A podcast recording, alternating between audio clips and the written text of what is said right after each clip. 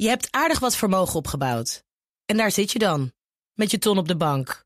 Wel een beetje saai, hè? Wil jij, als belegger, onderdeel zijn van het verleden of van de toekomst? Bridgefund is een slimme fintech die een brug slaat tussen de financiële behoeften van ondernemers en van beleggers. Dus wie belegt bij Bridgefund krijgt niet alleen een mooie vaste rente, maar brengt ook ondernemers in beweging. Echt waar, met die ton kan je zoveel betere dingen doen. Bridgefund. Make money smile. BNR Mobility wordt mede mogelijk gemaakt door ALD Automotive en BP Fleet Solutions. Today, tomorrow, together. BNR Nieuwsradio. Mobility. Meindert Schut en Nout Broekhoff. Nog een krappe week en dan geldt in heel Nederland een helmplicht voor mensen die op een snorfiets rijden. Ja, daar gaat de haardos. Ja, dat willen we niet. Nou, in Amsterdam en Utrecht is het al uh, langer het geval. Maar, Hele slechte kapsels ook daar. Ja, zeker. Maar wat brengt het in de rest van Nederland teweeg? Dat hoor je straks. Maar eerst. Flitsmeister, het jaaroverzicht van de populaire verkeersapp is vrijgegeven genoeg om te bespreken met de managing meister Jorn de Vries. Welkom in de studio. Dankjewel. Leuk dat je er bent. Flitsmeister heeft ruim 2,5 miljoen gebruikers, hè, is niet mis. Uh, levert vanzelfsprekend ook uh, een hele grote hoeveelheid data op. Die data hebben jullie geanalyseerd. Zie je nou, want dat is natuurlijk interessant hè, van afgelopen jaar, uh, grote verschillen met het jaar daarvoor? Hè? Is dat corona-effect nu echt grotendeels verdwenen? Uh, maar er zijn zeker weer een aantal mooie uh, opmerkelijkheden zeg maar, die, die terugkomen. En dat zit hem onder andere in de ongevallen. Okay. Daar zien we echt iets duidelijk terug dat dit jaar zeker meer ongevallen zijn. Zo'n 19% ten opzichte van het jaar ervoor. En wat erin zeker nog extra opmerkelijk is, is eigenlijk dat er in de maand november, dus de afgelopen maand, er ruim 30% meer ongevallen zijn gebeurd dan de novembermaand in 2021 op dat vlak is er zeker iets bijzonders aan de hand. En je ziet verder ook gewoon uh, waar we in coronatijd natuurlijk uh, het fileleed een beetje zagen verminderen of zelfs verdwijnen. Dat we dat weer dubbel en dwars terug hebben gekregen. Ja, dat is enerzijds niet opmerkelijk, want we zijn allemaal weer lekker onderweg. Maar wel opmerkelijk dat we toch weinig geleerd hebben van het hele ja. thuiswerken. We hadden de oplossing in handen. Het was opgelost, alleen ja. uh, we vinden het toch nog te leuk, denk ik, om in de file te staan. Nou, mensen willen weer graag naar het kantoor. Deels omdat ze de energierekening uh, zien stijgen uh, thuis, ja. bij het thuiswerken. Maar het, het, is natuurlijk wel de vraag, waar, wanneer zit men weer in die spits? Nou, wat we wel zien is dat in vergelijking met het verleden, dat nog steeds de dinsdagen en de donderdagen Ah, ja, de, de, de klassieke uh, spitsmomenten zijn. Alleen wat wel opmerkelijk is, is dat we de, de echte pieken zoals we die kennen vanuit het verleden, dat echt tussen 7 en 9 en tussen uh, 4 en 7 zeg maar in de middag het echt heel druk is. Dat dat nog steeds wel zo is, maar dat daartussen er ook veel meer verkeer is, waardoor die spitspieken eigenlijk steeds weer verder worden uitgerekt.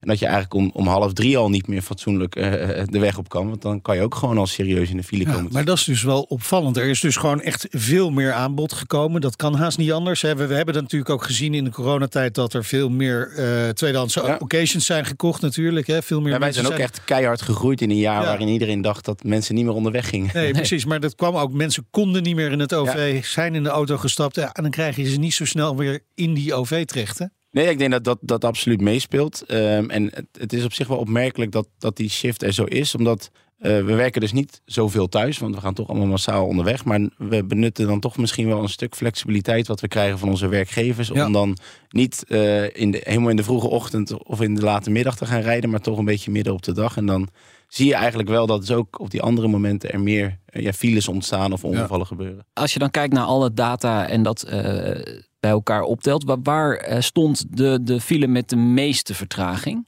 dit jaar?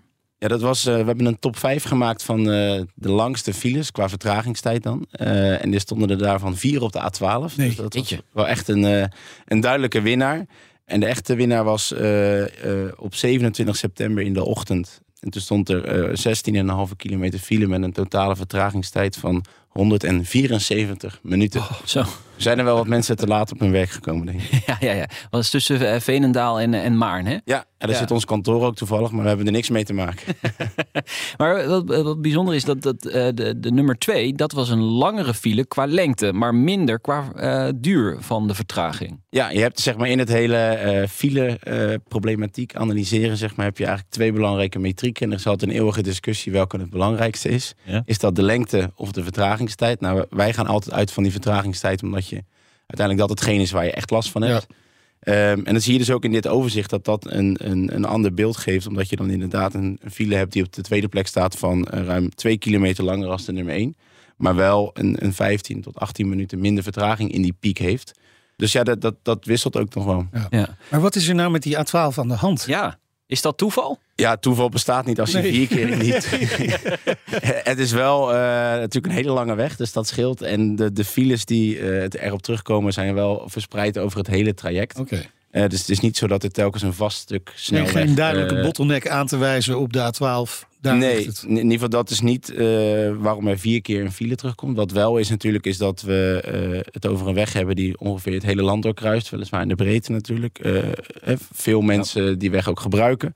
En we hebben natuurlijk ook eh, een aantal keren wat eh, events gehad rondom boerenprotesten Ja, en ja, ja. dergelijke. ja, ja, ja. Die ook veel die weg hebben gebruikt. Eh, er is toen zelfs nog maar nog een keer een, iets met zo'n viaduct gebeurd. Ook op de A12, Mhm. waar zo'n tractor eh, tegen aanreed. Dus er is, eh, het is een drukke weg. Het is een weg die veel gebruikt wordt. En er zijn ook gewoon een paar keer wat, eh, wat zware ongevallen en problemen gebeurd. Maar dit is best interessante data, denk ik ook voor, voor de overheid. Hè? Waar jullie ook af en toe mee samenwerken. Dus is er al iemand vanuit de overheid die zegt: "Ma- mag ik die gegevens even hebben om te kijken wat we daaraan kunnen veranderen aan die A12? Of, of ga ik Nou, de eerste persoon naar wie we dit altijd sturen is de minister met dit overzicht. Maar nee, we werken inderdaad veel samen met, eh, met het ministerie, maar ook met Rijkswaterstaat om echt inzichten te creëren in, in, in onder andere die bottlenecks, maar ook waar veel vertragingen ontstaan en zo. We zijn ook echt de hofleverancier voor die inzichten eh, in Nederland. En die hebben niet specifiek op basis van dit onderzoek eh, of dit inzicht eh, weer contact met ons opgenomen van hoe zit dat nu. Maar we weten wel dat ze structureel op basis van dergelijke bronnen en, en informatiestukken wel kijken wat er beter kan. Alleen ja, je zit ook gewoon met problemen als, als overheid dat je niet oneindig asfalt kan blijven neerleggen. Nee. Daar zit denk ik ook niet de oplossing. Nee, want dat heeft natuurlijk een, een aanzuigende werking. Zorgwekkend is natuurlijk wel die ontwikkeling van het aantal ongevallen. Hè. Eh, hoe dan ook. Het, het, komt voor een groot deel doordat het gewoon drukker is ten opzichte van het jaar ervoor. Eh, maar wel een opvallende stijging. Is er, is er een verklaring voor? Is dat inderdaad door de drukte of heeft het nog met andere redenen te maken? Ja, dat is eh, heel lastig te zeggen waar het eh, echt door komt. Maar het- er is wel gewoon een duidelijk verband tussen eh, meer verkeer is meer ongevallen. Alleen wat wel heel opmerkelijk is, en dan die, die piek inderdaad, waarom in november bijvoorbeeld eh 30% meer. Kijk, we hebben nu twee weken geleden, of vorige week was het natuurlijk met die, met, met die ijzel en zo. Ja. Dan zie je natuurlijk ook een gigantische piek, maar daar was toen geen sprake van. Dus het is eigenlijk lastig te duiden waarom er dan in november ja, blijkbaar zoveel mensen een ongeval hebben gehad. Misschien heeft het te maken dat eh, de klok. eh, Ja, dat is veranderd natuurlijk is ook eind, soort eind oktober hè, gaat Ja. Die, die klok. En dat is wel echt een reden. ja, dan gaan mensen raar doen. Ik weet het niet. Ja, ja, ja, ja. Nee, ja, eerder donker, het is nat, het is guur, koud, inderdaad, Ja. eh, glad. IJzel kan, kan voorkomen, eh, maar, maar bijna 20 procent. kijk, eh, vijf of tien, Ja. ala. Maar 20 procent, dat zien jullie ook niet vaak volgens mij. Nee, dit, dit schoot er echt uit. Dus wij, wij waren daar ook verbaasd over. En je ziet het wel natuurlijk over het hele jaar dat het gewoon meer is. Met dan inderdaad die pieken. Maar eh, ja, zoals gezegd, het is lastig te duiden waar, waarom mensen besluiten een ongeval te maken. Ja. Jullie proberen wel de veiligheid op de weg ook te verbeteren. hè. Jullie participeren in een project, de Safety Priority Services. Ehm, wat houdt dat project precies in?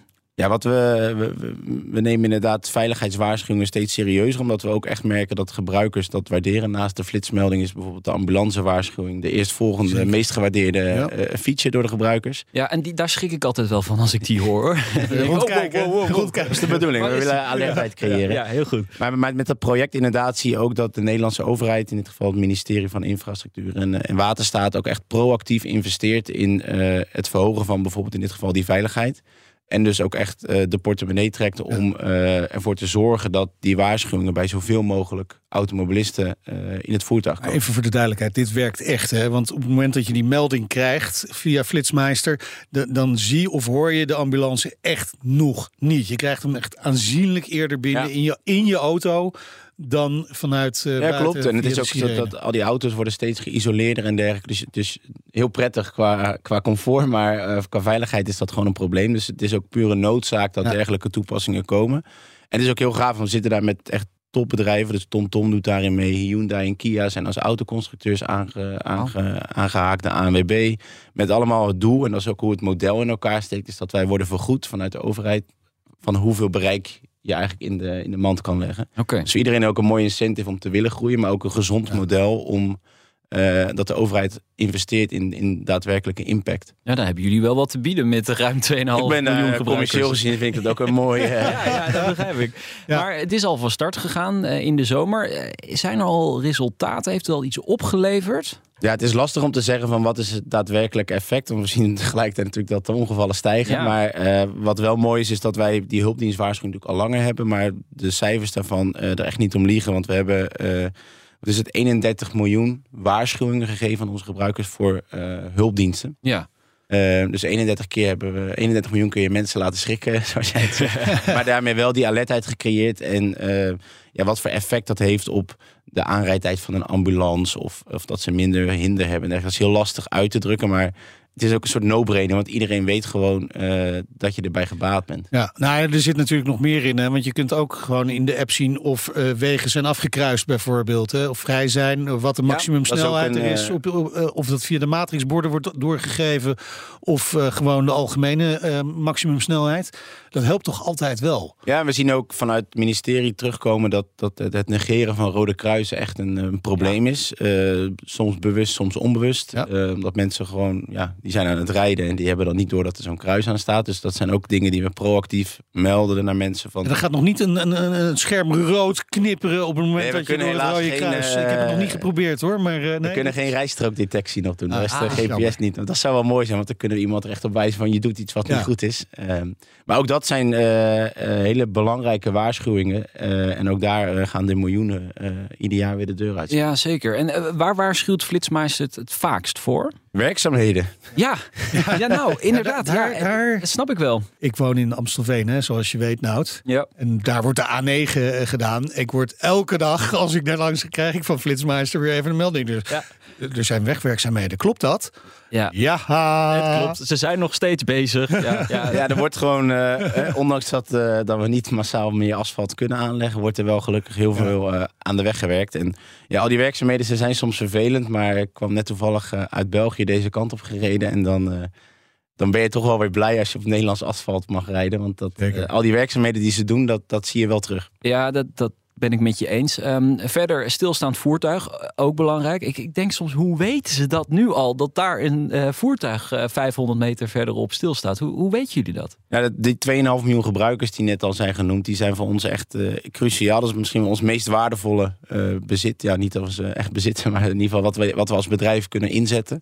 Eh, want heel veel van onze informatie komt uit die gebruikers eh, die meldingen doen, die updates geven, zoals Mijnde net al zei. Van staat, het, staat die er nog of klopt Ja. dit? En zo houden we eigenlijk, is het met elkaar en voor elkaar. En heb je met 2,5 miljoen mensen ruim 5 miljoen ogen. En dan zie je heel veel en ook heel snel. Ja, maar uiteraard, eh Flitsmeister draait ook om de flitsers. Eh, Yes, daar daar is het ooit begonnen. Waar werd het vaakst een flitser gezien dit jaar? Ja, de nummer 1 was eh, de A16 bij de Moerdijkbrug. Dus net, eh, net erna eh, hebben ze een mooie plek. Daar Waar kom ik ze- gelukkig niet zo vaak. waar ze goed kunnen staan. Ehm, en wat verder wel opmerkelijk was, dat eigenlijk de rest van de, de top 10 bijna zich allemaal eh, in de provincie Noord-Holland situeerde. Ja, en veel los van het slechte kapsel hier in deze regio. Misschien rijden ze ook al massaal te hard. En veel N-wegen. ja, ja, en dat zie je wel. dat is eh, misschien ook wel terecht. Maar goed, dat is ja. een andere... Maar ja, vanuit de, de gedachtegangen wordt geflitst om eh, hè, veiligheid te vergroten en niet om de staatskas te spekken, vind ik dit wel een, een, een goede eh, bevestiging daarvan. Want eh, op N-wegen is het hard rijden, of het echt significant hard rijden, ook natuurlijk gewoon een stuk gevaarlijker dan ehm, op A-wegen. Ja, en eh, wat ik altijd toch ook weer opmerkelijk vind, is de A2 bij Apkouder. Die staat er vrijwel altijd in de top 3. Ja. En dat is dan net na de trajectcontrole. Ja, die gaat dan misschien wel weer een beetje in tegen het eh, niet voor de staatskas Juist. eh, flitsen. Ja, ja, want mensen gaan na die trajectcontrole ja, als je nog niet in slaap bent gevallen, dan... Ja. op het gas. ja, en dan op de bon. Als liever- je niet op tijd wordt gewaarschuwd. Ja, precies. Tenzij je flitsmeister hebt natuurlijk. Ja, ik zie A9 Amstelveen bij 29.5. Die staat er ook heel vaak, inderdaad. Ja. En er zijn ook gewoon vaste plekken hè, waar ze mogen eh, staan. Dus op zich is het ook logisch dat er veelal Ja. dezelfde plekken zijn. Alleen, ik vond nu echt opmerkelijk dat er ja, van die toplijst eh, het merendeel rondom Amsterdam en die van Noord-Holland eh, zit. Op naar een nieuw jaar. Dankjewel, Jorn de Vries van Flitsmeister. Dankjewel. Ja, en een linkje naar het eh, jaaroverzicht vind je straks op eh, bnr.nl slash mobility. BNR Mobility. Vanaf 1 januari, in navolging van Amsterdam en Utrecht, geldt er een helmplicht voor snorfietsen in heel Nederland. We hebben contact nu met Maurice van Oosten van Scooterbelang. Welkom in de uitzending. Ja, ja welkom allemaal. Ja, dankjewel. We hebben nog een paar dagen te gaan en dan uh, moet die kap op de kop.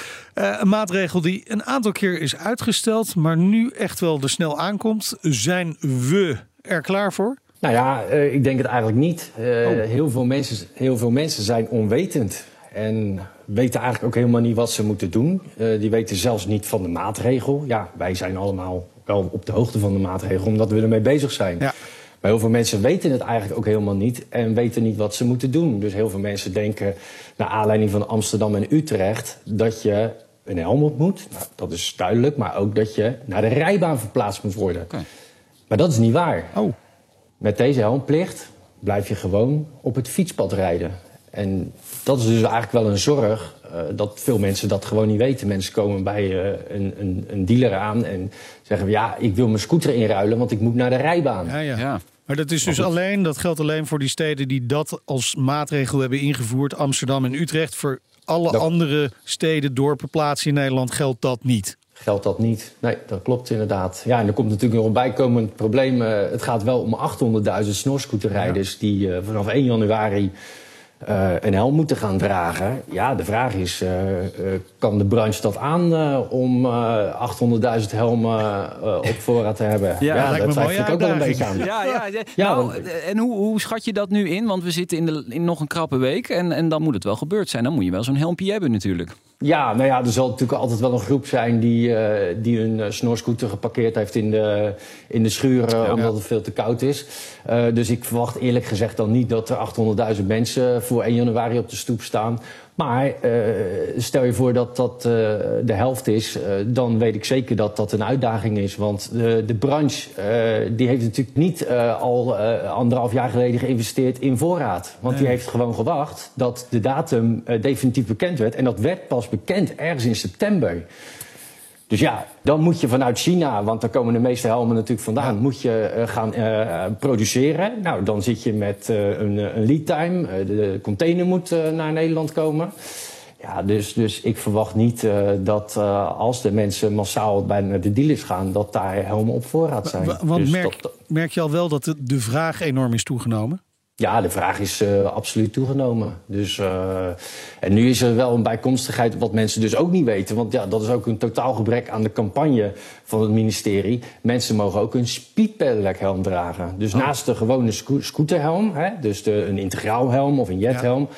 mag je ook een speedpedelec helm dragen. Die heeft een bepaalde keuring. Nou, als die helm aan die keuring voldoet dan mag je uh, okay. met die helm maar ook op een snorscooter ja, rijden. Dat, die, die lijkt een beetje op zo'n racefietshelm, of niet? Dat klopt. Ja. ja. nou ja, je hebt natuurlijk de speed pedelecs. Dat zijn zeg maar de, de snelle fietsen van 45 km per uur. Uh, die hebben ook als eis dat je een speciale helm moet dragen. En die speciale helm mag je dus ook op je snorscooter dragen. Ah, Oké. Ja. ja. Maar je zei tussen neus en lippen door, ja, er is eigenlijk niet genoeg campagne voor gevoerd de laatste tijd. Ah, die campagne is totaal krakkemikkig en gebrekkig geweest. Dus uh, eigenlijk weet niemand dat, dat, dat als wij zelf zoeken, dan komen we eigenlijk ook niks tegen. We hebben, wij hebben zelf wel campagnemateriaal gekregen, maar ik zie het nergens terugkomen. En het blijkt uit de vraag van de mensen dat ze ook niet op de hoogte zijn. Als je, als je, als je mensen spreekt, van, ja, die zijn onwetend. Dus ja, als die campagne goed was geweest, dan had iedereen het wel geweten. Je zou bijna denken ja. dat dit stiekem de bedoeling was. Ja, ja, nou ja, kijk, uh, de snorscooter uh, en überhaupt de scooter staat natuurlijk, uh, heeft natuurlijk altijd al in het verdomhoekje gestaan. Want het is eigenlijk bizar dat je 800.000 scooterrijders, weet je, we hebben het niet over een klein groepje mensen. Het gaat gewoon om 800.000 scooterrijders. Nee, en, en een deel van die mensen, hè, zoals je zegt, zal die scooter misschien in de schuur hebben staan of de opslag hè, tijdens de winter. Die hebben er niet zoveel zin in. Maar er is ook een groep mensen natuurlijk die gewoon afhankelijk is van die scooter om bijvoorbeeld uh, op het werk te komen. Ja, ja dat klopt. Dat en als klopt. die dan niet en aan een helm kunnen komen, dan hebben ze wel een probleem. Dan hebben ze een probleem. En uh, dat, uh, dat is natuurlijk soms denk ik ook wel stiekem dat een gedachte is dat ze mensen willen verplaatsen naar een e-bike. En dat is natuurlijk juist waar de schoen wringt. Want waarom heeft die scooter, die snorscooter, nu wel een helmplicht? En die e-bike, die ook 25 gaat, geen helmplicht? Ja. kom niet aan de fiets in Nederland. Hè? Die, die is heilig verklaard. Die fietser is heilig verklaard. Nee, dit is wetgeving op niveau van voertuig. En je zou eigenlijk zeggen, maak een wetgeving op uh, gebied van snelheid. Ja. Dus alle voertuigen die 25 km per uur gaan, die krijgen een helmplicht. Maar dat is dus nu niet zo. Want nu krijgt de snorscooter een helmplicht. Maar dat willen dus heel veel mensen niet. Dus verplaatsen ze zich naar de e-bike. Ja, dus want, want, want dat is, hè, Amsterdam en Utrecht claimen dat die helmplicht goed werkt. Zeg jij nou, daar valt wat op te nuanceren, want mensen zijn gewoon overgestapt? Nou ja, dat is precies uh, dat is de spijker op zijn kop. Want uh, als je natuurlijk uh, een maatregel in gaat stellen waar niemand happy mee is, dan zeggen mensen, nou, die, dat is dus ook in de, in de praktijk gebeurd. Mensen hebben hun snorscooter verkocht en zijn op een e-bike gaan zitten. Ja, dan snap ik wel dat het aantal ongelukken met snorscooters ja. af is genomen. Ja. ja. dat klopt. Maar kijk eens naar de cijfers van de e-bikes. En die zijn natuurlijk gewoon ongekend hoog. Ja, die gaan door het dak, inderdaad. En de, de cijfers van de, de verkoop van snorfietsen, hoe is dat uh, de laatste maanden gegaan? Ja, die loopt nu uh, inmiddels al uh, elke maand zo'n 50% terug. Dus als je het hebt dan in percentages, is dat rond de 50%. In absolute aantallen heb je dus gewoon tot en met het eind van het jaar al over bijna 20.000 snorscooters die minder zijn verkocht dan vorig, vorig jaar. Ja. Als je dan kijkt naar de bronscooter, ja, die is wel toegenomen uh, met ja. een 40%, maar die heeft nooit de afname van de snorscooter nee. gecompenseerd. Nee. Zou, zou, dus er zijn mensen gewoon verdwenen ja. uit deze markt. Zou, zou dit het begin van het einde van de snorfiets kunnen inluiden? Ja, ik denk dan een beetje aan de jaren 80, uh, waar we dan stiekem weer naar teruggaan. Dat, dat de snorscooter dan wellicht iets wordt voor, uh, voor wat, wat, wat ouderen. Ja. Die dan uh, op, het, uh, op het fietspad uh, willen blijven en dat de rest verschuift naar, naar de bromscooter. Ja. ja. Maar het is, het, is, het is een beetje glazen bolwerk, want we weten gewoon niet wat de consument gaat doen. Het makkelijkste is natuurlijk eigenlijk als je een snorscooter hebt. Hè, om die helm te kopen. Want de ik heb ja. toevallig uh, even rondgekeken. De goedkoopste speed pedelec helm is 59 euro. Die weegt uh, 280 gram. Dus dat is eigenlijk, ja, ik denk een plakje kaas op je hoofd is zwaarder. dus, dus ja. Dus uh, waar doe je moeilijk om? Hij, ja. 9 van de 10 scooters hebben ruimte onder het zadel. Of daar kan die ook gewoon, daar kan die gewoon onder. Ja. Dus dat is het, natuurlijk het makkelijkste. Maar goed, uh, ja, wat gaat de consument doen? Ja, dat is nog uh, ja, toch wel een beetje de vraag. Ja, veel gemeenten willen natuurlijk ook naar die maximumsnelheid in de bebouwde kom van 30 km per uur. Als dat gebeurt, dan, dan kan die snorfiets natuurlijk wel naar de rijbaan in heel Nederland. En dan, dat zou een oplossing kunnen zijn. Ja, en dat hebben we vanuit Scooterbelang uh, ook altijd aangemoedigd. Dat de verplaatsing naar de rijbaan eigenlijk alleen veilig is als je de snelheid verlaagt naar 30 km per uur. Want het is natuurlijk eigenlijk gekke werk. Je, je snapt niet wie dat ooit bedacht heeft om een snorscooter tussen het verkeer te laten rijden. Die, die geen 50 rijdt, want uh, een auto op een normale weg die rijdt natuurlijk gewoon 55 of 60. Ja. En jij rijdt daar met je snorscooter 25. Dus dat is natuurlijk nooit een maatregel geweest van, van iemand die uh, realiteitszin heeft.